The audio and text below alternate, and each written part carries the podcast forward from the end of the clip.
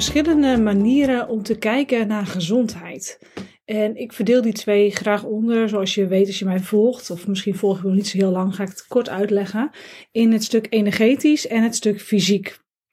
En energetisch is daarbij ook meteen emotioneel, mentaal, spiritueel, waarbij fysiek puur gaat over de biologie en de scheikunde die in je cellen plaatsvindt. Dus de daadwerkelijke manifestatie van gezondheid de daadwerkelijke manifestatie van fysieke klachten ook, maar ook van energieaanmaak bijvoorbeeld. Of, um, nou laten we zeggen, ik heb onlangs een podcast opgenomen over onverklaarbaar overgewicht. Nou, als cellen dingen gaan doen die, uh, die niet de bedoeling zijn, dus eh, vet gaan vasthouden terwijl uh, verder alles goed gaat qua voedingspatroon en dat helemaal niet aan de orde moet zijn, ja, waarom gaan die cellen dat dan doen? Ja, dat is iets fysieks met een energetische onderlaag. Dus nou, je kunt het eigenlijk zo zien. Um, we hebben allemaal onze dingen, allemaal onze uitdagingen. Uh, op het gezondheidsvlak. En daar waar bij de een het, de zwakke plek bijvoorbeeld het gewicht is, is bij de ander de zwakke plek uh, misschien wel constant verkoudheid. En bij weer iemand anders is de zwakke plek haaruitval. En bij weer iemand anders zul je het veel meer merken aan bijvoorbeeld allergieën en eczeem en dat soort zaken. Waar het zich bij jou uit, de fysieke klacht, dat zegt iets over waar jij energetisch werk te doen hebt. Dus spiritueel, emotioneel of mentaal. Uh, maar het zegt ook iets dat er fysiek iets aan de hand is. Want het ontstaat niet zomaar. Het is geen gebakken lucht wat je ziet. Het is niet, het is niet niets wat je ziet of ervaart of voelt. Het is er daadwerkelijk. Dus dat betekent ook dat het uh, ja, is gemanifesteerd in het niet goed functioneren van je lichaam zoals het hoort. En hoe kan dat dan? Hoe werkt dat dan? En, en hè, waarom zijn beide even belangrijk? Nou, allereerst wat ik heel vaak zie is dat er bijvoorbeeld gefocust wordt op alleen het fysieke. Dus oké, er speelt fysiek iets en dat gaat niet helemaal goed, dus we gaan kijken naar de voeding. Dus stel we gaan even inzoomen op allergieën en eczeem. Er is, uh, ja, dan, dan zijn er misschien wel voedingsmiddelen waar je op reageert. Dan is je darmgezondheid is niet op orde. Dan uh, kan het zijn dat jij genetische aanleg hebt voor eczeem. Waardoor er in die cellen iets geactiveerd is vanuit het DNA om dat eczeem te maken. Dat de een gevoeliger is dan de ander. Dat kan allemaal spelen. Nou, even specifiek bij eczeem is het dan ook nog zo dat in de hormoonhuishouding iets niet goed werkt. Dus in de huid bijvoorbeeld uh, is noradrenaline de rem op uh, ja, processen die daar niet horen te zijn. En het kan zijn dat je dan gewoon um, ja, bijvoorbeeld uh, immuun bent geworden voor noradrenaline. Of dat je immuun bent geworden voor insuline, die ook weer de hormoonhuishouding regelt. En dat je dus resistent bent geworden op bepaalde cellen, waardoor die cellen gekke dingen gaan doen en uit balans zijn. Dat zijn een soort van processen die uh, ja, omgedraaid moeten worden. Maar om dat te kunnen doen, is het nodig om de energetische onderlaag weg te halen. Want waardoor eczeem is ontstaan uh, bij jou, als jij eczeem ervaart, dat heeft heel vaak te maken met bijvoorbeeld dat, je, dat er over je grens heen is gaan. Dat mensen jouw grens niet hebben gerespecteerd en dat jij je grenzen bijvoorbeeld niet wist waar je ze moest stellen. En uh, misschien ook wel helemaal niet hebt gesteld. Of echt bewust hebt gedacht, ja, maar ik durf dat niet aan te geven. Dus nou ja, doe maar. Um, hè, dat, ja, dat, dat kunnen verschillende thema's uh, bij meespelen. Bijvoorbeeld pesten of uh, seksueel misbruik. Of um, ja, niet gezien worden door ouders. Dat je juist hebt gemerkt dat, dat je te weinig aanraking hebt ervaren. Dus dat, dat je huid letterlijk niet aangeraakt is, geen liefde heeft gevoeld, dat jij geen liefde hebt gevoeld. Dat kan allemaal onder eczeem liggen. En wat dat dan voor jou is, dat is heel persoonlijk. Dat is waarmee je aan de slag mag. Dat is wat je mag gaan uitzoeken. Nou, zonder dat dit een, een podcast gaat zijn over eczeem. Het gaat hier over de energetische onderlaag, die dus neutraal moet zijn voordat je fysiek kunt zorgen voor verbetering.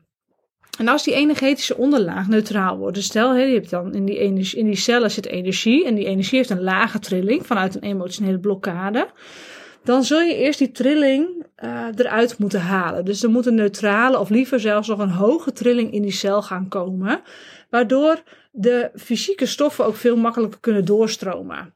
Nou, om dat even wat beeldender te maken en te koppelen naar business, op het moment dat uh, er in jou geen blokkades zijn op bijvoorbeeld geld en je voelt alleen maar overvloed en je zit in een hoge energie, dan wonderbaarlijk genoeg stroomt dat geld ook zomaar naar je toe. Het, het stroomt moeiteloos. En dan manifesteert het zich ook op je bankrekening. je wordt zichtbaar, mensen zien je, je valt op. Uh, het, het werkt magisch. Nou, zo is dat met gezondheid ook. Op het moment dat die cellen in een hoge energie zitten, of in een neutrale energie zitten, dan kan datgene wat daar moet gebeuren, de overvloed in gezondheid, wat, wat een heel natuurlijk proces is, hè, net als dat overvloed in geld een heel natuurlijk proces is, op het moment dat jij het toestaat, dat geldt voor, voor dit ook, ehm, dan, dan kunnen die voedingsstoffen daar naartoe gaan. En dat heeft vaak wel sturing nodig, want ja, die voedingsstoffen moeten er zijn. A, en B, eh, als er bepaalde processen niet meer goed functioneren, dus je bent bijvoorbeeld insulineresistent geworden door stress, of je bent uh, in je hormoonhuishouding uh, compleet uit balans, waardoor hormonen niet meer doen wat ze moeten doen, of niet meer goed afgebroken worden. Of je hebt heel veel afvalstoffen over, waardoor ook die cellen letterlijk vervuild zijn met afvalstoffen. Ja, dan zul je merken dat die energie en die voedingsstoffen niet op de plek komen waar ze moeten komen. En dan blijven die fysieke klachten dus bestaan. Nou, daar kun je uh, verschillende dingen op doen, maar het belangrijkste is dat je die energie dus neutraal maakt. Um, maar deze podcast gaat niet alleen maar over het energetische stuk. Deze podcast gaat juist ook over het fysieke stuk. Want meten is weten en uh, voelen is voelen. dat zijn twee verschillende dingen die je kunt koppelen aan het fysieke en het energetische. En ik wilde heel graag inzoomen nu op het fysieke specifiek. Dus voelen is voelen. Nou, dat is wel duidelijk. Het gaat om hè, de onderlaag. Die moet neutraal zijn. Maar laten we ervan uitgaan dat dat zo is. Of dat die neutraal aan het worden is. Omdat je daarmee aan het werk bent. Omdat je dat uh, aan het doorwerken bent. Aan het loslaten bent. Aan het opruimen bent. Laten we daarvan uitgaan. Dan worden die cellen dus neutraal en vrij dan moeten nog steeds de juiste voedingsstoffen op de juiste plek komen. En dan moeten nog steeds bepaalde processen omgedraaid worden, waar al een soort van ja, schade is ontstaan in het systeem. Of nou ja, schade is misschien een beetje een groot woord, een disbalans, waardoor je ja, een, een, bepaalde uh, celdisbalans hebt en een, een heel systeem wat bijvoorbeeld jouw eczeem of jouw overgewicht moet oplossen, helemaal niet meer functioneert dan moeten die voedingsstoffen er zijn. Maar dan is het ook wel heel handig om te weten, maar wat mist er dan? En waar mist dat dan? want uh, als we kijken naar eczeem, dan kan dat dus zijn wat het kan zijn uh, vanuit allergieën. Het kan zijn dat hormonen uit balans zijn. Uh, het kan zijn dat er afvalstoffenoverschot is. Maar wat van die drie is het dan? Of zijn het zelfs meerdere dingen? Dat kan ook nog. Nou, meten is weten. Dat is mijn visie daarop. Um, ik kan daar heel erg op diagnosticeren. doe ik ook wel, want je kunt niet alles meten. En juist klachten zijn ook leidend, want je lichaam laat het wel zien. Dus het gaat ook wel over een, stukje een puzzel leggen. Maar soms is laboratoriumonderzoek, of eigenlijk vrijwel altijd doe ik dat tegenwoordig. Uh, laboratoriumonderzoek heel fijn als aanvulling om te snappen wat er nu echt speelt in dat lijf. Want je kunt natuurlijk aan de buitenkant kijken in de output op klachtengebied. Maar waardevol is het ook om aan de binnenkant te kijken, in de dingen die je niet ziet, door in te zoomen op bepaalde systemen.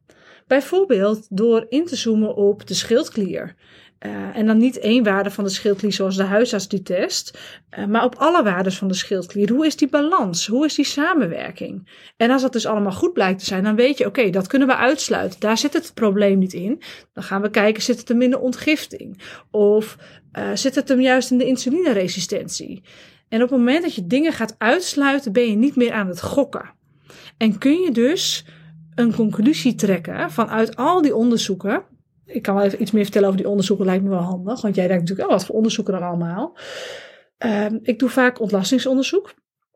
Uh, en, bij ontlastingsonderzoek kijk ik altijd naar hoe is de vertering.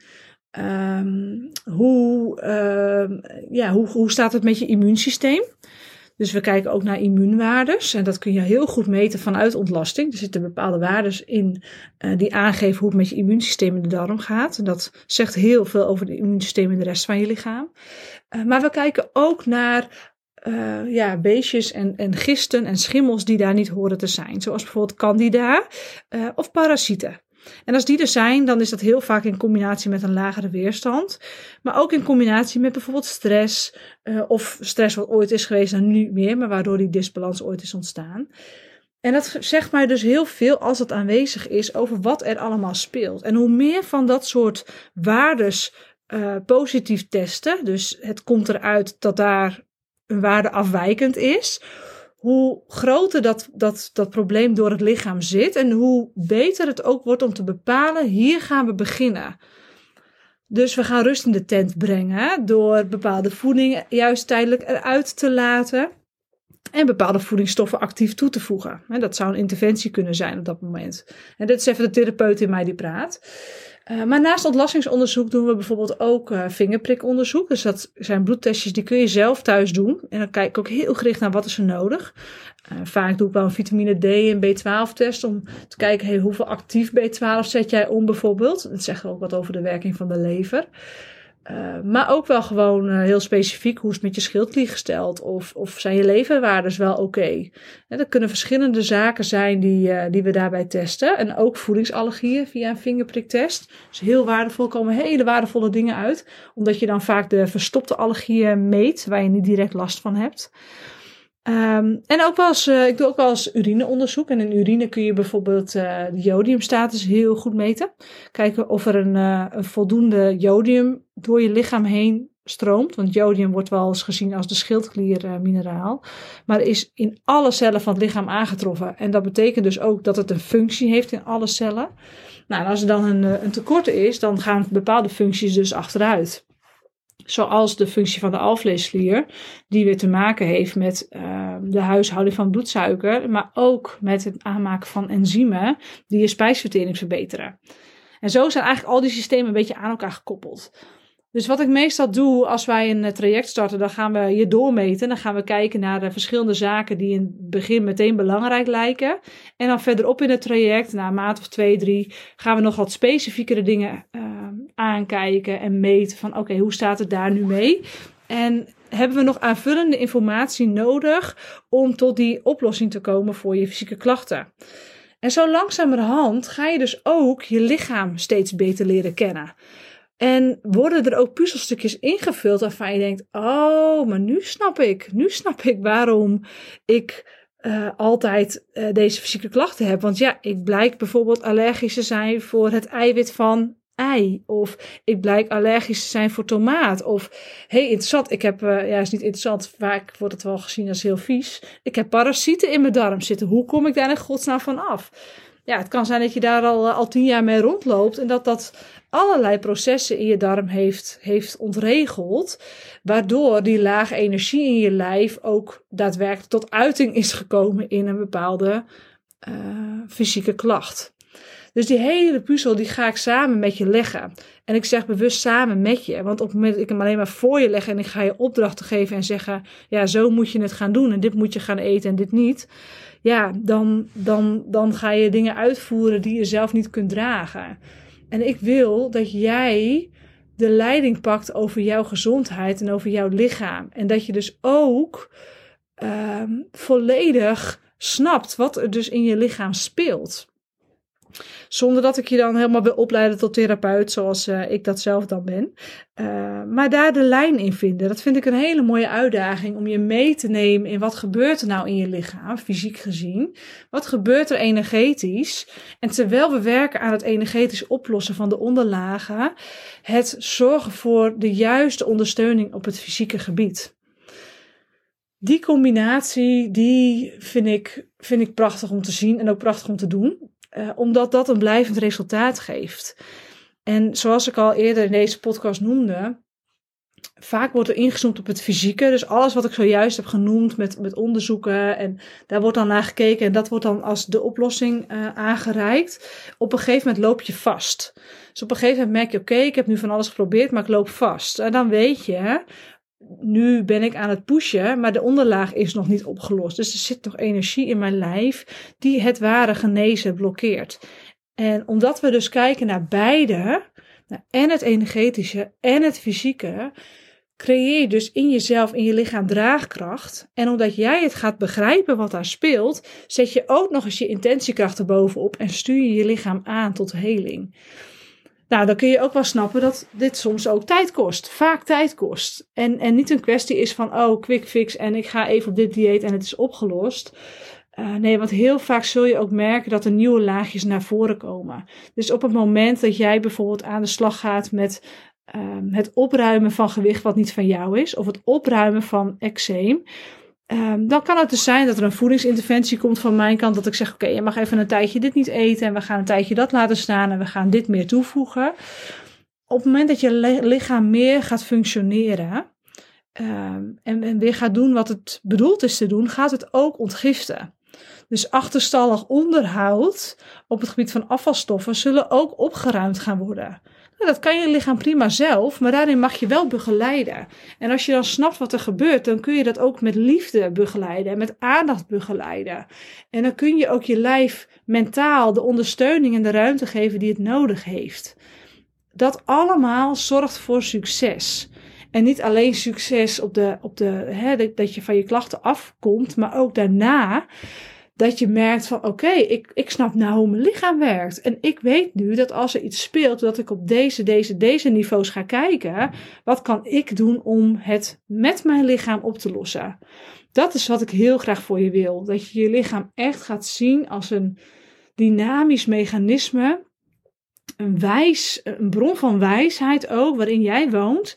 En waarin je dus kunt samenwerken om alles wat je lichaam je aanreikt aan lessen en aan energetische onderlagen, dat jij daar ook weer door groeit. En dat dat gezondheid heeft als een soort van bijproduct en doel tegelijk. Eh, maar vooral ook dat je daardoor groeit. Dat is mijn doel. En, en daarom ook dus een jaartraject. Omdat we in dat jaar zo ontzettend veel gaan zien en, en, en voelen en, en leren kennen van jou. En, en, en dat je daarmee aan de slag gaat om dat te integreren in je leven en in je lichaam. Ja, ik vind dat heel mooi om te zien. Maar ik kan hier nog uh, uren over doorpraten, zoals je misschien wel aanvoelt en wel hoort. Um, maar wat ik je kan aanraden, wat je uit deze podcast kunt halen, is: als jij loopt met fysieke klachten, kijk altijd naar en het fysieke en het energetische. Het een kan niet zonder het andere bestaan en het een kan niet zonder het andere opgelost worden. Dus wat vertelt jouw fysieke klacht je, zowel mentaal, emotioneel als spiritueel, of een van die drie? Wat vertelt het jou? Wat is het signaal? Wat is de boodschap? Ga daarmee aan de slag. En wat speelt er nou fysiek? Wat vraagt mijn lichaam nu van mij om te veranderen in de input? En dat kan dus zijn door bijvoorbeeld stress te verminderen, dus echt fysieke stress te gaan verminderen, uh, door keuzes te maken in je leven en meer rust en ontspanning te voelen, maar ook door te kijken naar welke voeding heeft mijn lichaam nodig. En elk lichaam is daarin uniek, dus ga echt luisteren, leren luisteren naar wat jouw lichaam daarin nodig heeft. Nou, ik hoop dat deze podcast je empowert en dat het je inspireert en helpt. Uh, wees altijd welkom om even in de lucht te komen. Als jij hier vragen over hebt, op Instagram bijvoorbeeld, Regina Nieuwhof. Of een mailtje naar hello.reginanieuwhof.nl. Vind ik ook hartstikke leuk. En ik zou het super tof vinden als je bij deze podcast een 5 sterren rating wil achterlaten. Zodat ook anderen deze podcast makkelijker kunnen vinden. Voor nu wil ik je een hele mooie dag wensen en tot de volgende aflevering.